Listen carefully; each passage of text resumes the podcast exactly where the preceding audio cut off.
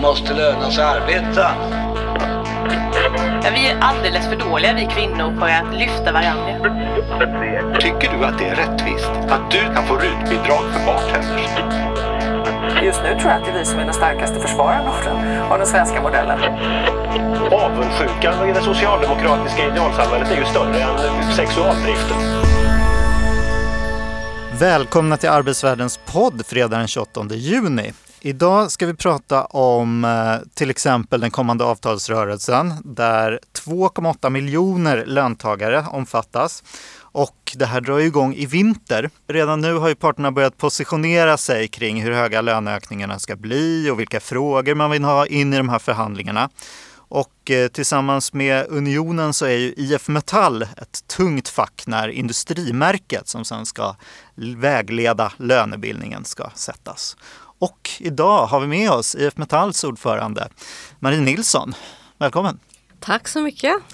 Och eh, som vanligt har vi ju Britta Lejon i vår panel.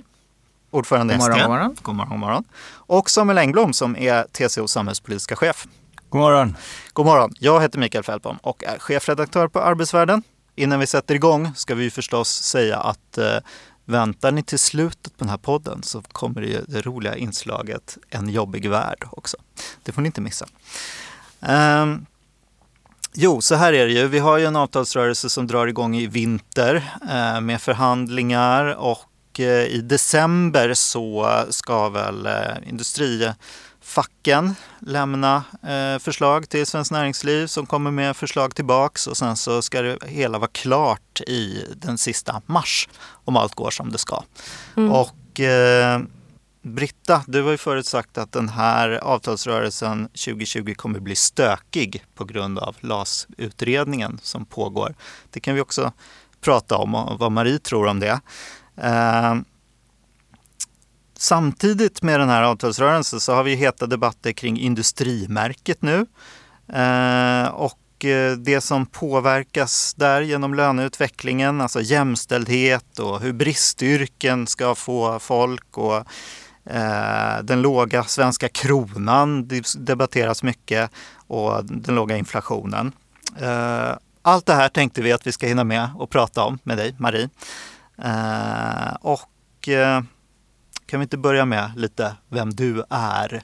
Alltså, du, du har ju en lång facklig karriär, men vad gjorde du i, i metallsvängen innan du eh, på riktigt så att säga?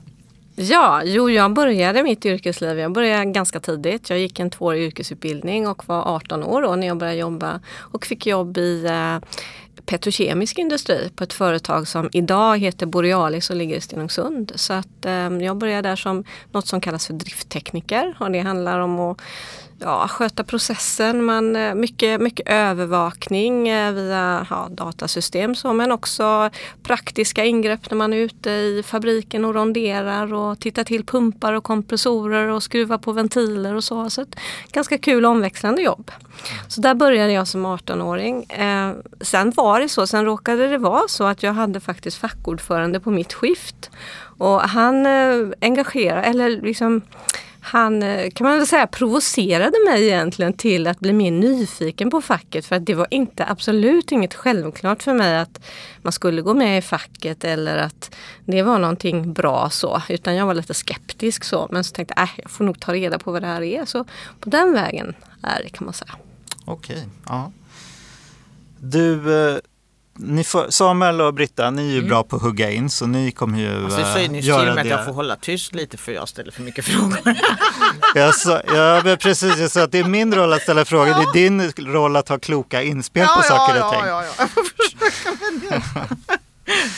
Hörni, ja. Ska vi börja med det här med industrimärket? Det har ju varit en massa debatt kring det. Mm. 6F har släppt en rapport mm. där de liksom förespråkar att eh, vi istället ska ha en sorts inflationsmodell där vi liksom tar hänsyn till hur mycket produktiviteten har ökat och hur mycket inflationsmålet är och så slår vi ihop dem och så hamnar vi på, ett, eh, på en, en vettig löneutveckling ungefär. Eh, de har ju dessutom en idé om en låglönesatsning.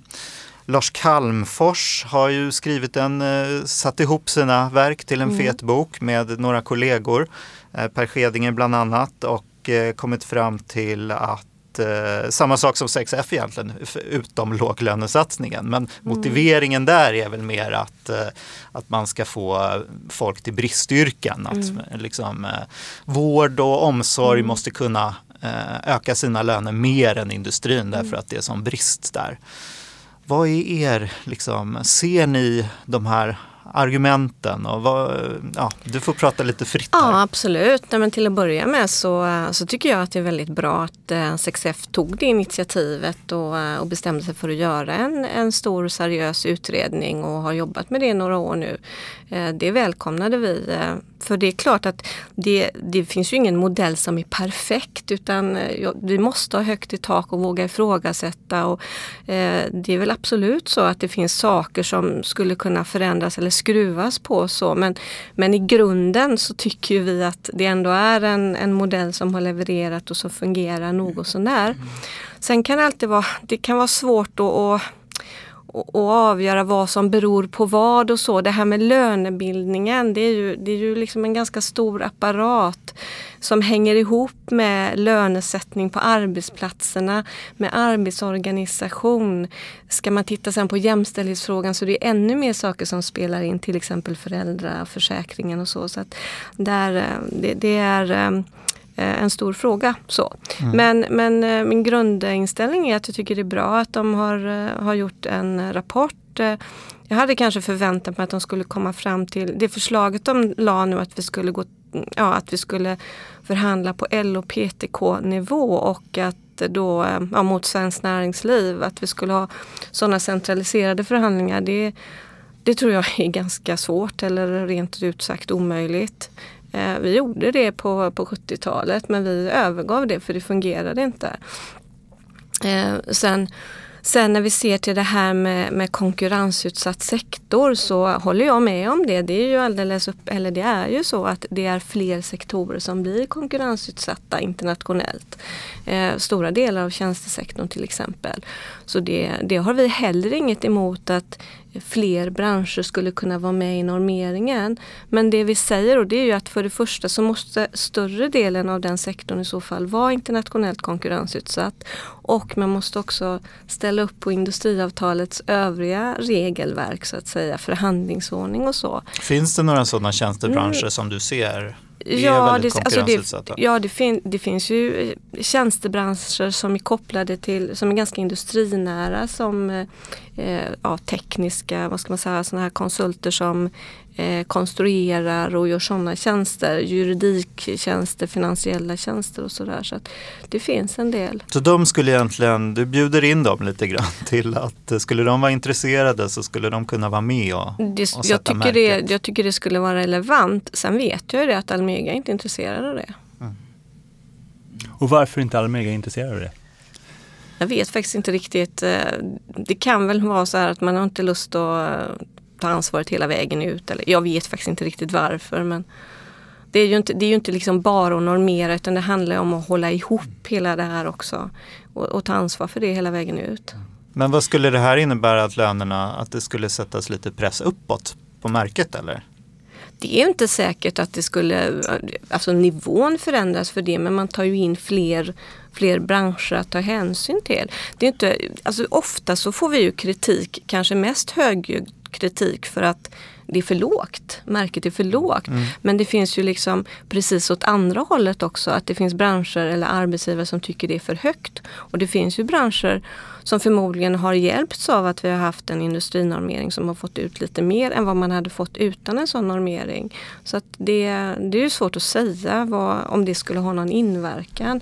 Eh, men det som det jag tror skulle i så fall bidra med det är att det, det, det det är branscher som känner en större delaktighet. Mm. Som, eh, och och liksom då får det en acceptans. För det är klart att ska vi ha ett system så måste ju det ha legitimitet Exakt. i de breda massorna. Har det inte det så kommer inte det att överleva. Nej, men, och det är där jag med, där, mm. alltså, de två huvudsakliga kritikerna mot, mot det nuvarande märket. Mm. Och jag vill bara säga att jag, mm. jag är helt Alltså jag tycker det har funkat jättebra under lång tid och varit till stor glädje för Sverige. Mm. Alltså, om man ställer sig frågan, för vi gör ju inte det här för att vi ska ägna oss åt någonting som inte har någon relevans. Utan det Mm. handlar ju helt enkelt om, tittar man bakåt så kan man ju se att svenska löntagares reallöneutveckling Mm. har varit exceptionell jämfört med resten av omvärlden. Jag säger inte att den har varit exceptionell i reala termer. Eh, men, men jämför Hur med stor del beror på märket och Ja, hur och, stor del och, beror då, på och det annat? beror ju på flera saker. Det beror ju på att vi har en välutbildad befolkning, att vi har ett diversifierat och välutvecklat näringsliv, att vi har statsfinanser som är i god ordning. Men det beror också på detta att vi har välorganiserade löntagare och arbetsgivare. Mm. Och där fyller märket en viktig väldigt viktig roll.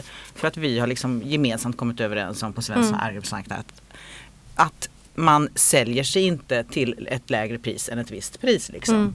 Sen har vi problem med en massa avtal som, som liksom försöker på olika sätt inte delta i det då. Men ändå, Mm. ändå det har, det har liksom under 17 år eh, ungefär gett ett jättebra resultat. Men den kritik som sen har växt, och precis Mm. som du säger Maria, jag tycker det är så himla eh, klokt när du säger att eh, det finns ju ingen modell som är perfekt. Eh, Mm. men, och den kritik som, som har växt har ju varit, dels handlat om det här med att kvinnor, relativlönerna Mm. för kvinnor är svåra att justera uppåt Mm. i det här systemet. Ehm, och det, det förtjänar en egen diskussion, precis som du säger. Det är många saker som hänger samman med det. Men, och sen den andra är ju att det funkar inte optimalt för hemmabaserade marknader. Och, och, och där kan man väl säga att den här öppenheten som du ger uttryck för att absolut att andra skulle kunna vara med i normeringen. Den är ju en del av svaret på det. Men det är ju inte hela svaret på det. För att jag, menar, ehm, jag tror kanske, kanske också att 6Fs förslag till lösning är, är svår att åstadkomma. Mm. Eh, så. Men däremot så det gigantiska problem som vi har pratat om i den här podden tidigare, nämligen att man inte hittar arbetskraft i en massa branscher. Mm.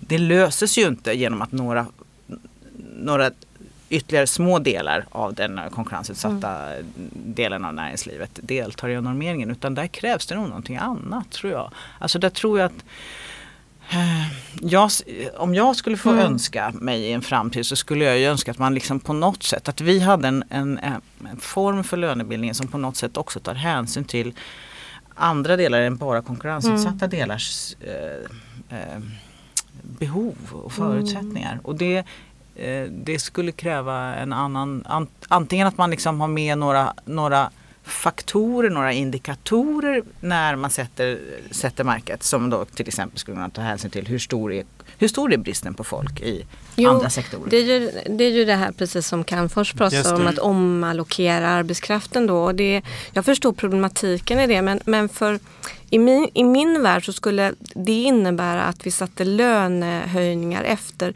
var det är brister någonstans. Eh, och det kanske är yrken som ändå har marknaden i ryggen. så. Och då, alltså vi tycker ju, vår, vår lönepolitik den innebär ju att lön den ska sättas efter arbetets svårighetsgrad, efter kriterierna eller kraven som krävs för att utföra arbetet och sen hur arbetet ut, utförs också. Inte om det är liksom en växande sektor eller att det ligger i en Fast viss inte region. det två olika diskussioner Marie? Den där hur lönen ska sättas för individen och grupperna. Det är ju en diskussion man för på eh, i mitt huvud längre ner e- efter att man har liksom kommit överens om de övergripande oj, avtalsramarna. Så. Jo, det är det väl på sätt och vis. Men eh, problemet är ju bara att visst, vi, kan, alltså vi, vi har ju gjort relativlöneförändringar för vissa grupper inom industriavtalets ram, till exempel för undersköterskorna. Då. Men då, det krävs ju också att alla är med på det så att det inte kommer kompensationskrav ifrån andra grupperingar. Så att visst går det att göra men, Eh, men det, då får det, ju, det får ju liksom vara uttalat och förankrat överallt att, att nu gör man det. Sen tror jag att den här omallokeringen den måste ju främst ske också genom att vi har ett bra omställningssystem. Det finns säkert människor som idag jobbar inom industrin som skulle kunna jobba inom eh, offentlig verksamhet på, inom vård och omsorg eller någonting annat. Där. Att känna att nej, nu vill inte jag jobba i industrin längre därför att jag är utsatt för, jag är den som står i första, första linjen om det blir varsel och, och en konjunkturnedgång som vill skola om.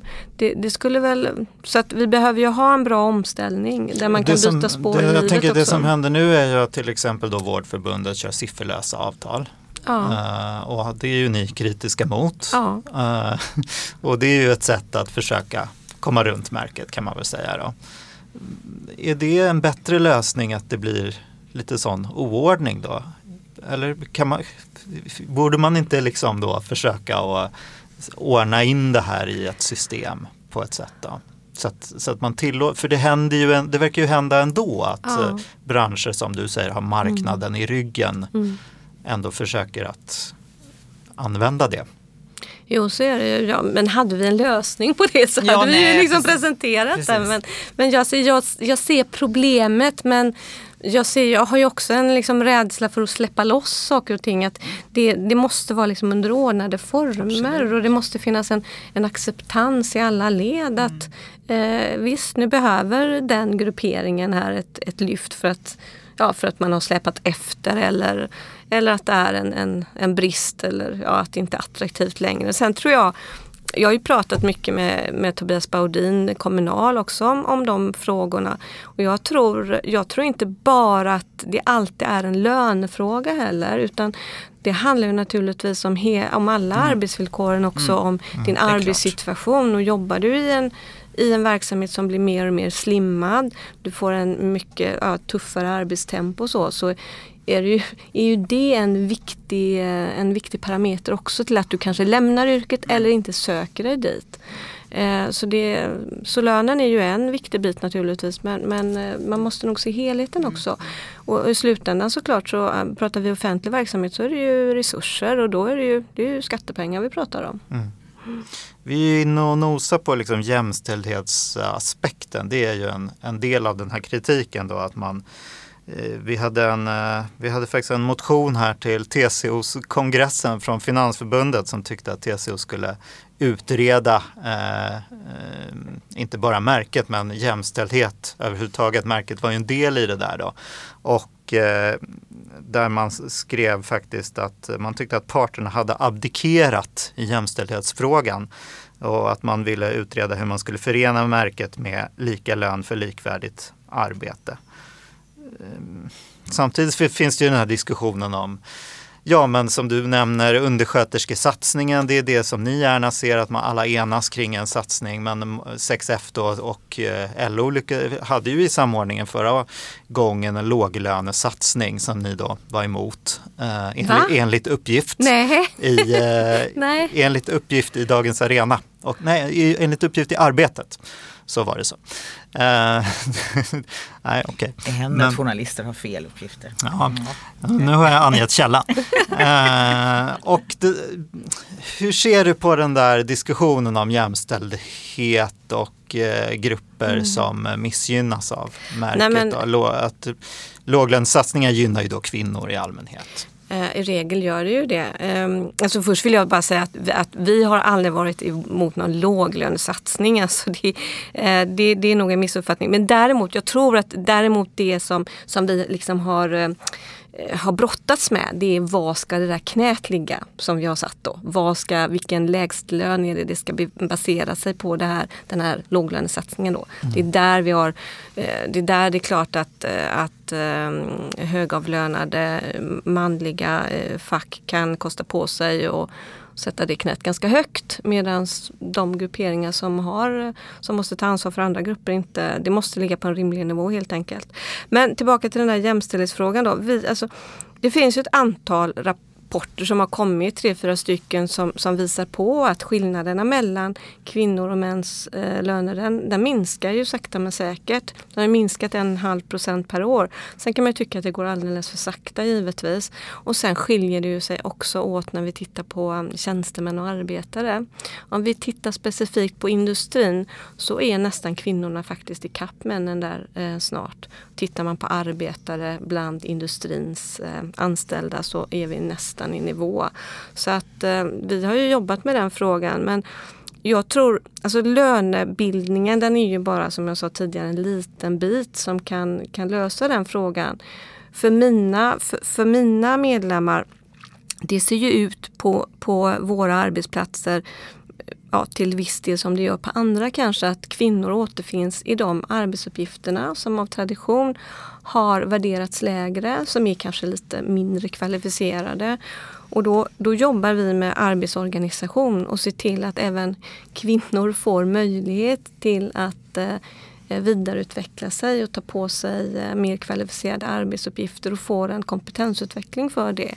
Eh, det är det vi jobbar med och jobbar med lönesystem också och se över eh, om, vi verkligen, om, om våra värderingar verkligen är relevanta i dagens läge. Om det inte bara vilar på en gammal föreställning. Så, Mm. så det, och det, just- ja. det tror jag man måste jobba med på Absolut. Man arbetsplatsnivå. måste jobba med detta på Men just det där Ja, kvinnor och män väljer olika jobb är ju liksom eh, en grundläggande Ja. sak, både inom sektorer men framförallt mellan. Alltså kvinnor jobbar Ja. i offentlig sektor. Jag var på det här seminariet när Lars Calmfors la fram sin bok och då sa ju han, eh, Koskinen på Almega, att eh, Problemet är ju inte eh, märket utan problemet är att offentlig sektor, att stat och kommun inte betalar. Eh, de skulle kunna höja lönerna i eh, offentlig sektor och då skulle jag löst jämställdhetsproblemet eh, ungefär. Håller du med honom om det? Jag tror inte att det är så enkelt faktiskt. Eh, det, jag tror, tror att man måste jobba med, med mycket fler faktorer och, fa- och de faktorerna att vi är ett utav världens mest segregerade, eller vi har den mest segregerade arbetsmarknaden när det gäller kön.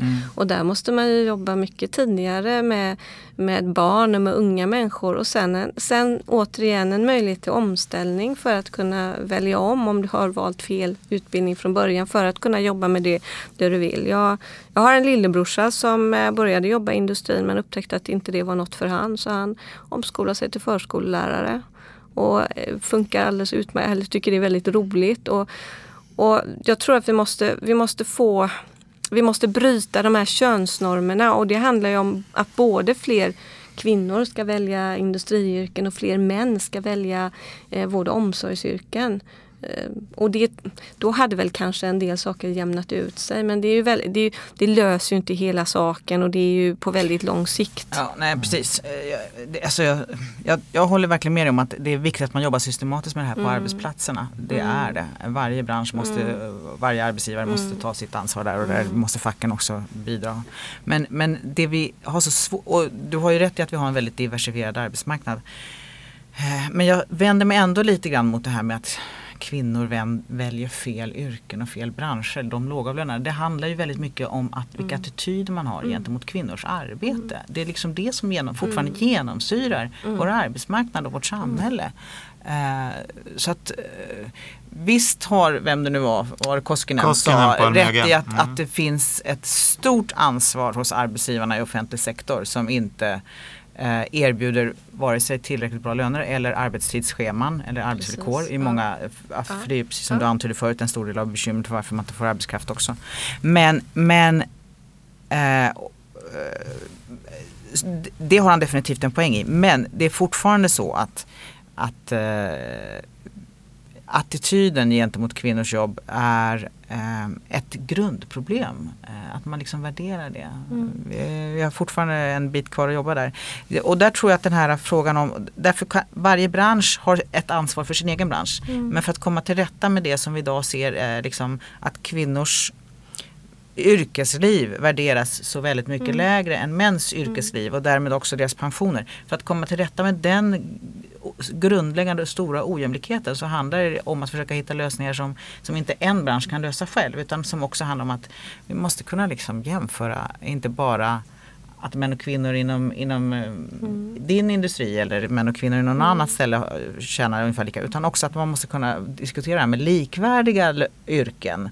Alltså, eh, Och det är väldigt svårt. det är väldigt svårt men jag tror att, jag, tror att eh, jag skrev en, eh, tillsammans med Sveriges kvinnolobby och eh, expertgruppen Lönelotsarna en artikel i Aftonbladet igår som handlade om just det här. Jag tror faktiskt att Medlingsinstitutet behöver få ett sådant uppdrag. Inte bara att följa statistik kring kring lika lön utan också ett bredare uppdrag här för att jag påstår inte att det löser allt men jag tror att det är viktigt att vi börjar titta på de här svårare frågorna också. Eh, så. Annars kommer vi inte komma någon vart.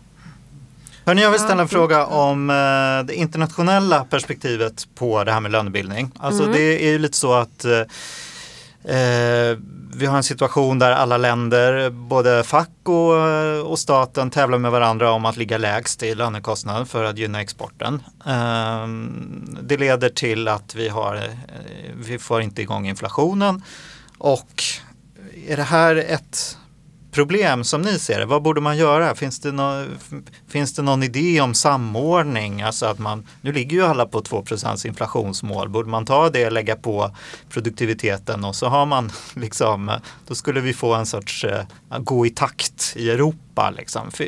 Hur, är det tankar som finns hos er? Eller?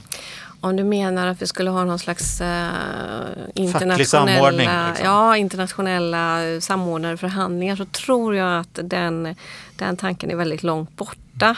Eh, visst, det har förts diskussioner om det och eh, en del av de här transnationella avtalen som diskuteras tror jag på Europafackets kongress handlar ju lite grann om det. Men då, då får, med det skulle vi få en mer företagsanpassad modell och vi vill ju ha branschförhandlingar. Mm. Så, så det, det, är av det skälet egentligen vi inte tycker det är en bra idé. Men däremot så eh, har vi absolut ett, ett mer utökat samarbete inom inom våra europeiska industrifack så eh, där samverkar ju vi och eh, vi tar fram gemensamma policies och så. Så att vi, att vi liksom tävlar med varandra om något race to the bottom, det håller jag inte riktigt med om. Eh, sen är det klart, det är problematiskt därför vi, inte minst med att vi har, har svenska företag som är globala och som är verksamma i flera forna öststater bland annat, där de kanske inte alltid uppträder på samma sätt som de gör hemma. Där vi får, eh, där vi får stötta upp emellanåt. Eh, där för att se till att de eh, betalar de villkor som gäller i det landet. Och det är mm. klart att det blir en, jag upplever ju att det blir en spänning såklart i i Europa överhuvudtaget. När de här som, som nu har kommit in i EU känner att nu har vi varit med ett antal år men vi ser inte att den här eh, värdeökningen faller alla medborgare till del. Utan att man ser att ja, reallönerna ökar liksom inte riktigt. Eller man, ja, det mm. finns andra som får mycket mer av, eh, av det goda så att säga. Så Samtidigt som man vill ha ett intresse där också av att gynna exporten och hålla nere kostnader från statens och ja, även arbetsgivarnas sida. Då. Ja, ja, det kan man väl säga men jag, jag, upplever nog inte att eh, det är väl mer företagen i sig som mm. försöker hålla kostnaderna nere givetvis men inte från, inte från fackligt håll och sen, sen har man ju tyvärr så oerhört låg organisationsgrad också mm. så det är lite svårt att mobilisera och det är ju våran, det, det är ju liksom våran egentligen lösning på eller sätt att flytta fram positionerna det är att, att hjälpa till med organiserande insatser. Att liksom också förklara att, att vi är i den positionen vi är i Sverige. Det har ju varit en lång, lång, lång resa. Mm. Så såg det inte ut i Sverige på, vid, vid förra sekelskiftet. Då, då var vi liksom en nation som där arbetare faktiskt emigrerade för det var så himla illa här. Och så har vi jobbat oss uppåt liksom. Mm. Och det det, det, är ju, det är ju, vi ser ju liksom ingen annat sätt än att man organiserar sig och så är det på, på det sättet man vinner styrka. Och sen naturligtvis internationell solidaritet men man måste också göra sitt eget, eget hemarbete så att säga. Det här är ju en väg liksom på... Ah, okay. ja. För att, och så, och precis så är det ju oavsett eh, bransch. Liksom. Mm. Vår, vår, vår, mm. vår kultur, vår historia, vårt sätt att, mm. att, att, vara starka är ju det. Och sen möter det Sydeuropas, eh, kontinentaleuropas historia och, och tradition av fackligt arbete där, där liksom, eh, den lösning man ser är att ropa på eh, att politikerna beslutar om en högre lön mm. som minimilön. Alltså att man, ja. Mm. Och det, det gör ju också att vi mm. inte alla gånger blir så starka som vi skulle kunna vara för vi har väldigt mm. olika sätt att se på det här. Och så krockar våra olika mm. Men det låter ju lite som att din mm. linje är att vi utjämnar löner så småningom. Alltså en Absolut. sorts mer integrationistisk linje. Får man fråga om liksom, Eh, IF Metall var väl för euroinförande på sin tid, EMU, att vi skulle gå med i EMU och sådär.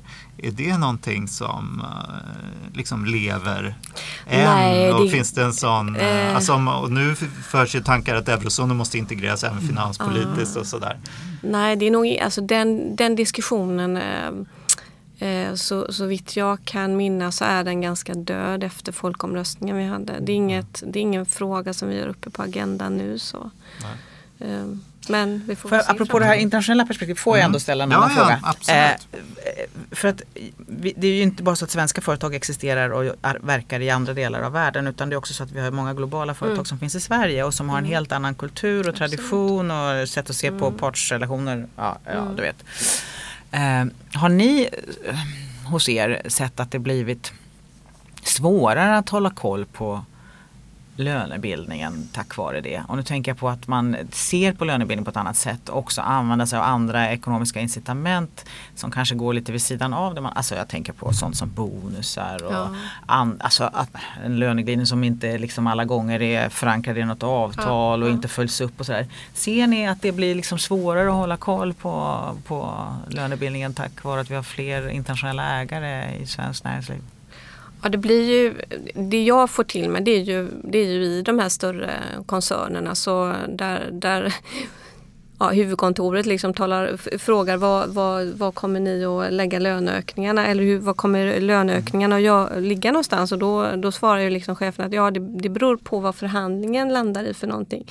Så de menar, det, här, det blir en liten kulturkrock att man kan inte tala om från början att det här kommer vi att ge utan eh, vi måste liksom invänta de centrala förhandlingarna och så. Så det kan man väl se. Sen är det Eh, jag, jag har lite svårt att svara på hur utbrett det är men det är klart att det finns många bolag som har typer av, av bonusar och eh, olika sådana system. Det, det, är inte så, det är oftast inte sån här jättestor del ändå eh, av lönen så utan eh, det kan bli så enstaka år och sådär. Men visst, eh, både Scania har ju ett sånt system, Volvo har ju det, både AB Volvo och Volvo Cars. Och, mm, om jag inte missminner mig var det ju Volvo Cars som faktiskt inte fick ut någonting sist på det. För att då nådde man inte upp till parametrarna trots att, trots, och då var det ju lite uppror bland våra medlemmar kan man väl säga. För att då har man ändå, man har ju kört produktionen så hårt och många har ställt upp och jobbat över men målen var satta på ett sånt, en sån konstruktion så att, och det kändes ju väldigt orättvist då såklart. Så att det, finns ju, det finns ju plus och minus med sådana system. Men ja, det, det, det är ja, det är det absolut. Ehm, Och vi, det är klart att vi uppmanar ju våra klubbar att, ska man, att man gärna ska vara med och påverka ett sådant system i så fall. Eh, Sen kan man inte, man ska ju inte liksom teckna ett avtal om någonting man inte till 100% står bakom heller. Så att det händer ju med att företag lägger, bara, de lägger ut det liksom, så är det en ensidig, det är en ensidigt utlägg och inte något avtal. Så. Eh, Men det finns också de modeller där, där facket har varit med och påverkat parametrarna och så. Så det är lite olika. Men sen finns det ju, det, det finns ju de här kulturproblemen också med att eh, kanske särskilt säga, amerikanska bolag och så, de har lite svårt att förstå eh, det fackliga inflytandet som finns eh, i Sverige. Och att, man, att många svenska ledare ser ju faktiskt fackets medverkan i bolagsstyrelsen som en styrka därför att man kan produktionen, man vet hur det ser ut på golvet oftast och så. Och man får direkt information. Den kanske inte silade genom det här rastet av mellanchefer och chefer. Så att eh, det, där kan det vara en, en sån här eh, kulturkrock där man inte riktigt förstår varför, varför facket överhuvudtaget och de personerna som kanske inte ens har någon högskoleutbildning ska ha ett sånt inflytande och så. Eh, för, för, där, för det är ju något grundläggande bland oss också i det kanske inte är unikt för Sverige men att vi har ju, vi har ju inte den där kanske respekten för hierarkier på samma sätt och att vi faktiskt lyssnar på varandra också. Eh, Så det kan man ju det kan man höra lite vittnesmål om att man har fått en ny, man har kanske fått en ny eh, amerikansk ledning. Eller man har fått en fransk ägare som har en väldigt annan erfarenhet av facket. och är ju lite, liksom, eh, är lite förvånad över att vi är så eh, i deras perspektiv då samarbetsinriktade ändå och vill hitta gemensamma lösningar och kanske inte stänger igen eh, eh, verksamheten för strejk sådär stup i kvarten. Så ja visst. Du, när vi går in i den här avtalsrörelsen 2020, det ska sättas ett avtal förhoppningsvis då eh, senast 31 mars nästa år.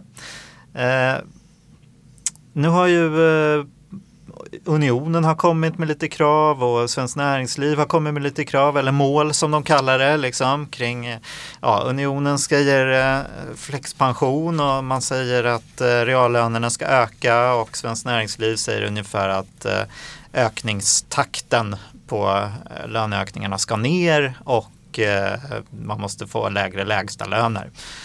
Eh, har, vad kan du säga någonting om era, era ingångar? Ja, jag, jag kan ju inte gå in i detalj eh, dessvärre för att eh, det, vi håller på att formera det nu och sen är det ju så dessutom att vi, eh, vi samsnackar oss med unionen så, så att eh, det är klart vi vi, alltså det, vårt, vårt övergripande krav det kommer ju att vara höjda reallöner. Det är ju liksom utgångspunkten. Sen har den här, det som, eh, som för tjänstemännen kallas flexpension som vi kallar delpension då, men lösningen är, är snarlik då. Eh, det har varit en populär eh, reform hos bland våra medlemmar. Så att, men, men det är ju också, det, det, det där är ju liksom en fråga i slutändan av förhandlingarna om det är möjligt att avsätta delar till det och så. Mm. Eh, sen har den här eh, låglönesatsningen varit, vi tycker att det har varit en bra modell eh, som har fungerat och eh, ska vi ha någon modell så eh, så eh, är ju det inte helt fel att köra vidare på den modellen. Men där ska vi också, där, där måste vi också naturligtvis ha respekt för att det måste ju diskuteras i LO-familjen först också. Och så ska det här, det ska ju också eh, diskuteras ihop med eh, våra parter inom industriavtalet, då, det vill säga Sveriges Ingenjörunionen. Så att där, eh, det, det är ett litet trocklande att få ihop hela det här men, eh, men någon form av låglönesatsning, eh, mer avsättning till delpension och reallöneökningar, det är väl förhandstipset. Just det. För nu, så ni, ni kör på två spår då? Ni, dels är det industrifacken som ska, mm. ni är fem stycken fack och sen så ska ni komma överens med LO då mm. bredare. Mm om samordning? Ja det är ju så, man kan säga att, att själva arbetsordningen är ju så, jag tror det är 23 oktober, då tar LOs repskap beslut om en samordning och då är det mer en ram man sätter att vi ska ha en samordning och vad den ska innehålla. Det kan mm. vara sakliga eller det, det kan vara andra innehåll också om villkor. Eh, och sen så eh, lite senare så, så jobbar LOs avtalsråd vidare med just nivån, var man ska landa någonstans. Och då jobbar vi parallellt också eh, facken inom industrin. Och sen så kommer ju LOs eh, styrelse ta beslut om just nivån så att säga och sen förankras det i alla förbundsstyrelser också. Så att det är en, det är en, en omfattande process, mm. Eh, en demokratisk process som ska genomföras. Och sen eh, för vår del så har vi ett avtalsråd inom IF Metall också som eh, ska processa det här i slutet av november. Och sen så eh, är det så att precis, jag tror det är 20 december, ja, någonstans innan jul är det i alla fall, så, så traskar vi över till Storgatan med våra avtalskrav och så får vi motta arbetsgivarens mot, eh, motkrav då och så har vi förstört jul och nyår för varandra. Just det. Vem är det som sitter på Storgatan? på Storgatan, eh, där sitter egentligen alla våra parter samlade kan man säga för nu har industriarbetsgivarna flyttat dit också. Men vi har ju tre, vi, vi har ju, eh, våra motparter är ju teknikföretagen, det är ju vår stora motpart med med teknikavtalet som, som täcker över 100 000 av våra medlemmar. Och sen har vi industriarbetsgivarna, organiserar stål, gruvor, eh, cementgjuterier och så. Och sen har vi ICAM som organiserar eh, läkemedelsbransch, eh, den bransch kemiska industrier där jag kommer ifrån och eh, plastindustrier, ganska brett område. Men det är de tre eller ja, arbetsgivarförbunden som vi samverkar med. Mm. Sen har vi ett, vi organiserar bilverkstäder också och det är ju faktiskt inhemsk tjänstesektor. Mm. Ganska små företag. Så mycket så här, vi har det också när man, ja, ja, när man säger, när man, eller bilden av IF Metall är att vi har bara de här stora drakarna inom mm. Tillverkningsindustrin men vi har hela spektrat. Och då har vi faktiskt transportföretagen som motpart eh, för det är motorbranschavtalet. Också. Hur många avtal är det totalt? Eh, vi har väl ett, vi har ett 40-tal avtal ja. men det är ju en del, ett, ja, 15 av de där är ju företagsavtal mm. som har hängt med historiskt sett. Så. Mm. Sen, är ju, sen riksavtalen är ju i, i fallande storlek då, men det största är ju teknikavtalet ner mm. till, ja jag tror det, vilket kan vara det minsta, det är nog, ja jag vågar inte svara på det, men, men det minsta har ju kanske bara ett ett par tusen medlemmar. Så. Just det. Och totalt så blir det då när man slår samman det här med LO och Svenskt Näringsliv 2,8. Eller ja, inte bara LO utan eh, det som man kallar avtalsrörelsen. Mm. En massa stora avtal som mm. sammanfaller då mm. 2020. Eh, mm. Så blir det 2,8 miljoner löntagare. Mm. Vad bra, då har vi fått en liten guidning i vad en avtalsrörelse egentligen är för någonting och går till, eller? Mm. Kan man säga att, att det var det vi sidan. sammanfattade? ja, just det. Precis. precis. Ehm, bra. Du, ehm, jo, ja, det var ju någonting jag skulle fråga här. Jo, men sen landar det på knappt 2,5 procent i slutändan då. Vi får år. väl se var det landar någonstans. Eh, Det, det Mm. är svårt att spå i nu. Ni säger bara reallöneökningar Mm, än så än länge. så länge. Och, union, men Unionen säger, nej förlåt, eh, Svenskt Näringsliv säger att eh, takten, löneökningstakten ska gå ner. Och då Mm. hamnar man ju på, förra avtalet var tre år, 6,5 totalt. Mm. 2,2 knappt per år alltså. Mm. Varav de där 0,2 gick till delpension, flexpension Mm. och 2% i löneökning. Så ska man sänka den takten då hamnar man på under inflationsmålet på 2% i Mm. löneökningar. Och sen så lite extra då i flexpension. Nu är det ju så att man sällan brukar landa i det kravet som den ena parten ställer. Nej, så att, vi får väl Jag se. bara drar ut eh, jag förstår konsekvenserna men, här. men Ja. jag, man, man Det ska är väl... fascinerande Ja. tycker jag hur lika det låter från arbetsgivarsidan år efter år, avtalsrörelse efter Ja. avtalsrörelse. Man har aldrig, argumenten skiftar men slutsatsen är alltid densamma. Ja, jo det är lite olika faktorer som, eh, som gör att vi måste takta ner. Så det, Mm. Men det som var tuffast förra året om jag uppfattade det rätt, det var ju det här med låglönesatsningen. Det är Mm. Ja, det som absolut, arbetsgivarna tycker är sämst Ja. om. Ja, det är, det är klart att det är och det var ju så också att vi, när, när, det sen skulle, när, vi hade, när vi hade gjort den uppgörelsen och det skulle implementeras i alla andra förbund i deras förhandlingar så var det i vissa, i vissa förbund så fick man, man fick lägga varsel på varenda område för att överhuvudtaget få igenom det. Därför det här det innebar ju inte bara att det skulle vara låglönesatsningar utan det skulle ju också vara utan det som arbetsgivaren brukar kalla för kurant motvaluta, alltså att man skulle göra andra inskränkningar i sitt avtal. Så att det krävde, det, ja, det, man, man hade ju kunnat tro att eh, när det första varslet hade lagts och man hade kommit överens om, om en nivå att det skulle gå lättare på andra områden. Men så var det faktiskt inte för flera av de här eh, specifikt kan man säga om eh, förbunden som, som eh, eh, organiserar främst lågavlönade kvinnor. Mm. Du, vad är det för stämning när man träffas i de här förhandlingarna? Vad, vad säger förhandlarna när de kommer därifrån? Är det stentufft eller har man lite trevligt och dricker kaffe? Eller liksom, hur, hur, vad händer i de där rummen? Ja, det kan man inte avslöja. Nej, det är nog ganska odramatiskt egentligen. Det, är mycket, det brukar väl vara mycket väntan och man, ja, man försöker skruva på olika lösningar och hitta på, eh, ja, hitta på eh, konstruktioner så för att man ska kunna sälja in någonting och man hittar argument. och Eh, Eh, det, det, det, kan, det är väl tillfällen när det kan vara ganska upprört ehm, när någon sätter liksom hårt mot hårt och man inser att, man inser att nu har vi kommit till en gräns där den, den ena parten inte ger sig i den här frågan. Eh, och det, är väl, det handlar ju om att hitta fram till också vad är, vad är det viktigaste för min motpart att, eh, att inte liksom förlora eller att inte ge efter, eller man inte vill ge efter på så måste man ju då får man ju sikta in sig på andra grejer så att säga. Och samma sak gäller ju gäller f- för oss när vi lägger upp våran strategi för hur vi ska driva förhandlingarna.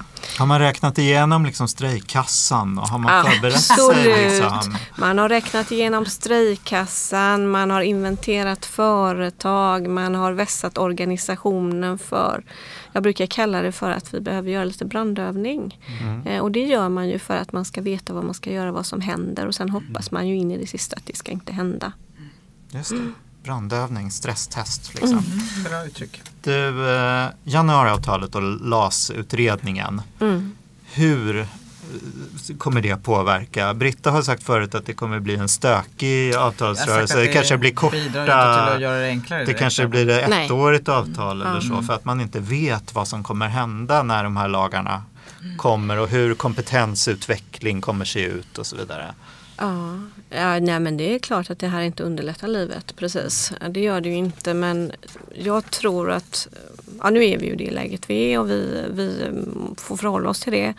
Eh, så det behöver vi kanske inte diskutera igen att vi hade sett hellre en annan lösning för vi hade fått förhandla själva. Men eh, jag tror att vi måste hitta en, en, eh, en, en modell nu där vi liksom kör hårt här fram till någon gång kring årsskiftet och så parkerar vi oss där och hittar någon slags inriktningsöverenskommelse mellan parterna. Att det här ungefär är vi överens om och sen kör vi klart våra riksavtalsförhandlingar. Ehm, och så och så någonstans så får vi återuppta det igen när det är färdigt. Men, men det är ju inte heller enkelt för att vi, jag känner ju en, en, en osäkerhet i, nu står det ju så här i januariavtalet att parterna, om parterna kommer fram till en egen lösning så ska politikerna eh, anta den. Mm. Och, och det är klart, grejen är ju den att parterna är ju inte helt eh, överens om heller att det är de här sakerna som är nämnda i januariavtalet som är det stora problemet. Eh, det, det, är uppenbart att, att turordningsreglerna är problem för vissa branscher. Och för vissa branscher är det en icke-fråga. Utan vi ser ju andra saker som behöver förändras. Vår ingångspunkt är ju att våra medlemmars anställningstrygghet behöver förbättras naturligtvis. Därför att den är inte så hemskt säker idag. Eh, så att vi vill, ju, vi vill ju göra förändringar och det är klart när man ger sig in i förhandlingar och ska göra förändringar då vet man också att man får ge och ta. Och man, man kan liksom inte bara få eh, få saker som är bra för oss. Så. Eh, men, det, men, men jag känner en liten osäkerhet vad vi, har, vad vi har den här utredningen och vad den kommer att landa i och så. Eh, det, det är klart att det det står också att eh, balansen mellan parterna får inte ändras och, go- och uppsäg, eller liksom, det får inte ske godtyckligt och så vidare. Va? Jag tror att vi måste ha en lagstiftning som är som är en, en ram som man sen kan fylla med innehåll via kollektivavtal. Därför det ser så olika ut i våra olika områden. Vi har olika behov och det måste man kunna reglera i kollektivavtal sen.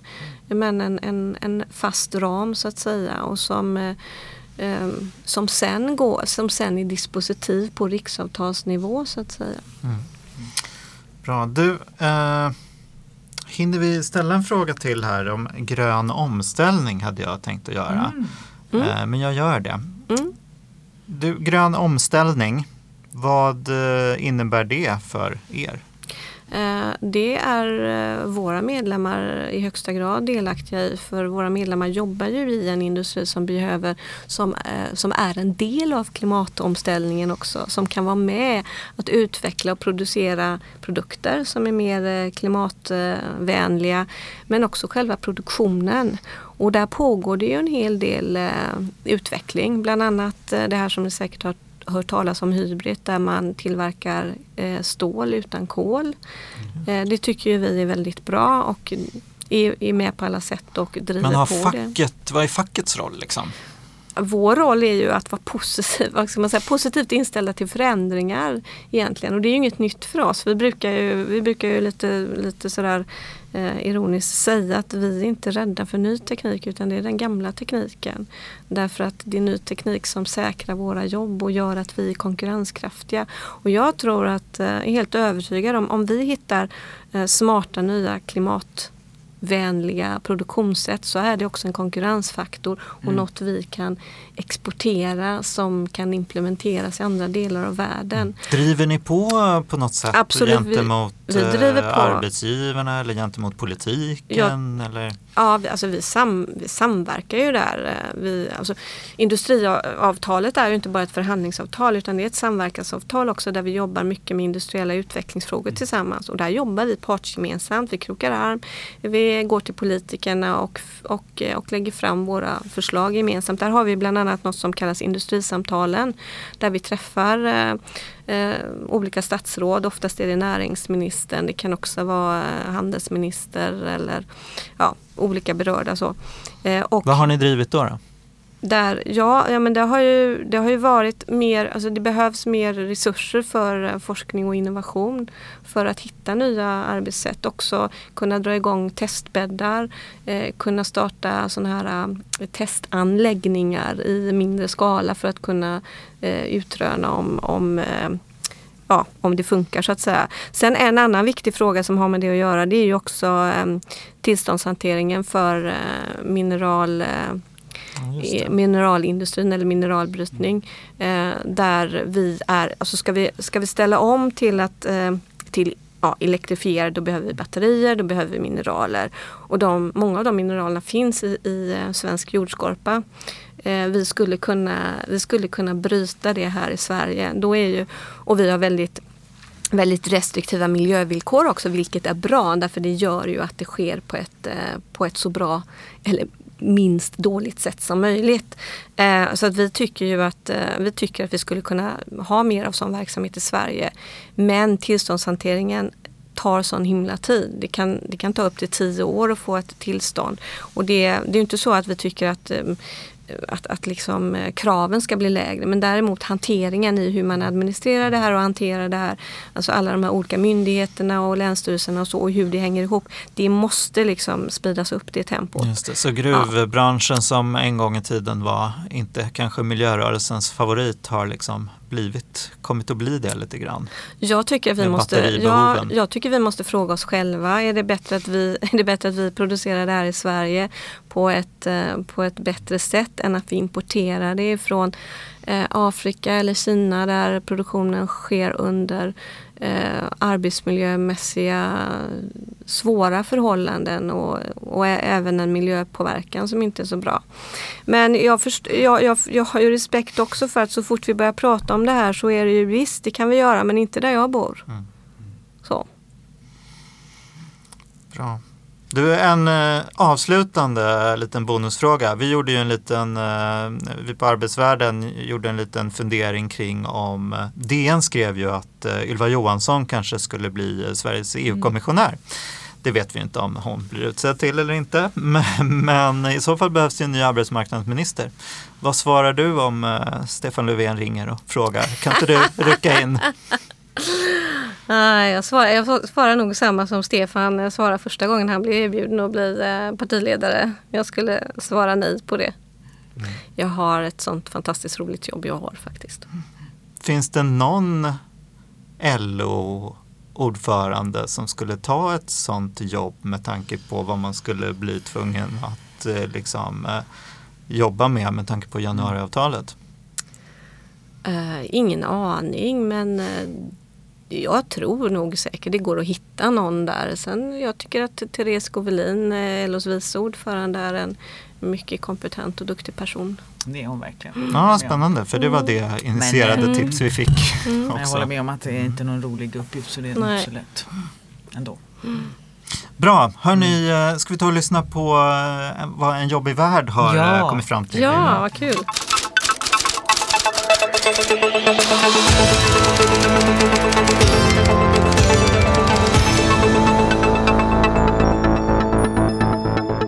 Bolund fyller sin tygpåsekvot under intensivt år. Finansmarknadsminister Per Bolund tar time-out från politiken för att gå och handla med sin tygpåse i ekologisk bomull enligt ett pressmeddelande från Finansdepartementet.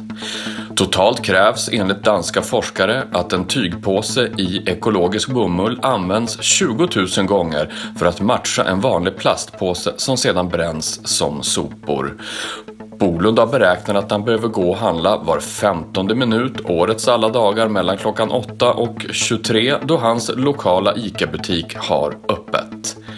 Det är en utmaning, men klimatet kan inte vänta, säger Per Bolund vars initiativ får stöd av statsminister Stefan Löfven.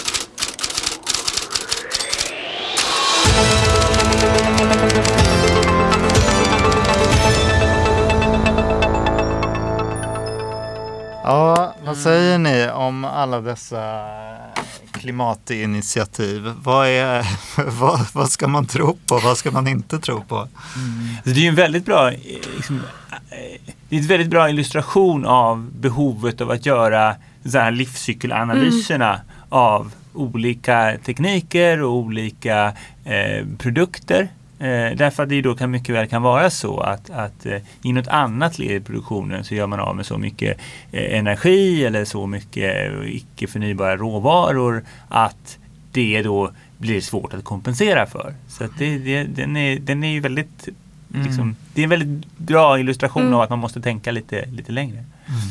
Precis. Och jag som har en gammal, jättegammal skruttig bensinbil så jag liksom, det här med flygskam, och, eh, jag har en bilskam skulle jag vilja säga. Varenda gång jag sätter mig i bilen och kör så känns det lite jobbigt faktiskt. Men ehm, jag tröstar mig då med just det där att ja men det är nog sannolikt bättre att jag kör den här tills den dör den här bilen än att jag liksom går iväg och köper någon ny. Man ska ju använda saker som faktiskt är producerade också. Eh, sen finns det någon tröskel där när det där inte Mm, stämmer mm. längre va. Men eh, ja, nästa bil ska bli någonting annat. Men jag, liksom, jag bor fem trappor upp. Jag har lite svårt att skaffa bil som måste laddas med el. Eh, Jag förstår inte riktigt hur det ska gå till uppriktigt sagt. Så att det krävs lite infrastrukturutveckling för att det här ska hända.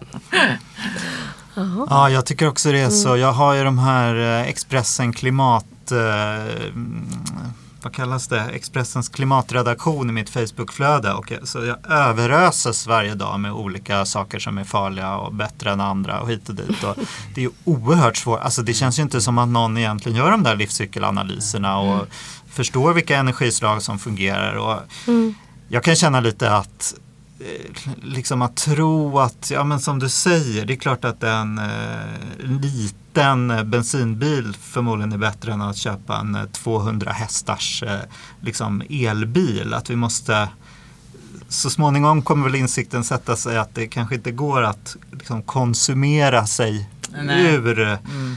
Eh, klimatavtrycket utan att det Mm. handlar om att dra ner på konsumtionen. Tänker jag. Precis. Jag tänker på de här... ny teknik som du var inne på förut också. Jag tänker på de här, de här elsparkcyklarna som man ser överallt här i Mm. Stockholm. Det är, frågan är ju hur miljövänliga de är. Jag tänker om, om, om man tar en sån istället för att köra bil in i stan så ja, då är det kanske en, en, en vinst. Så. Men om man tar en sån där istället för att promenera då är det ju, då är det ju kanske hälsomässigt ingen större samhällelig vinst med det.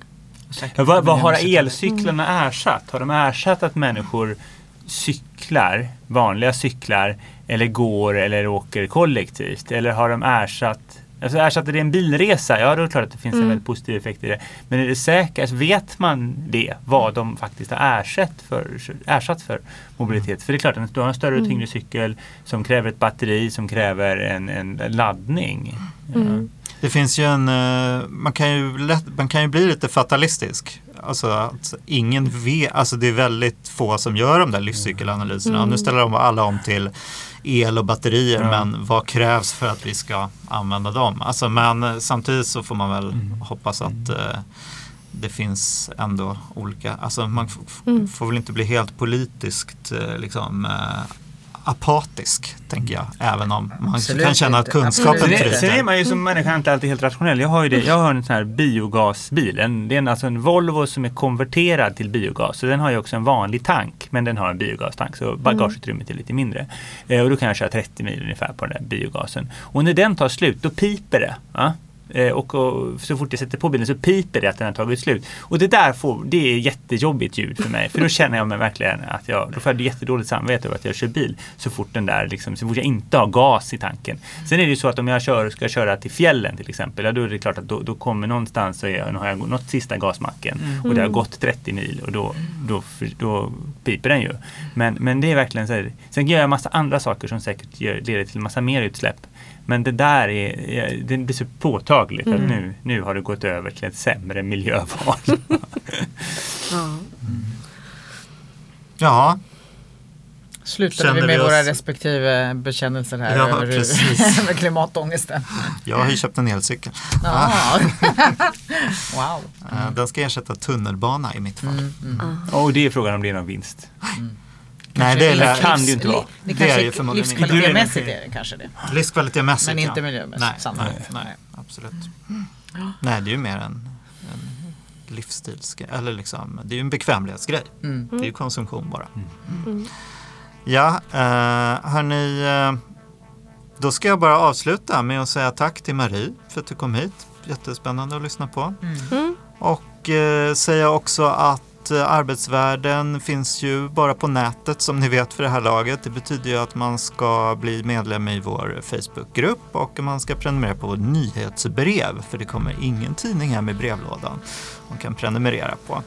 Snart är vi tillbaks faktiskt med ett Almedalsavsnitt eh, redan på måndag när vi ska prata med professorn i nationalekonomi Johanna Rickne Så passa på att lyssna på det också. Eh, hej så länge!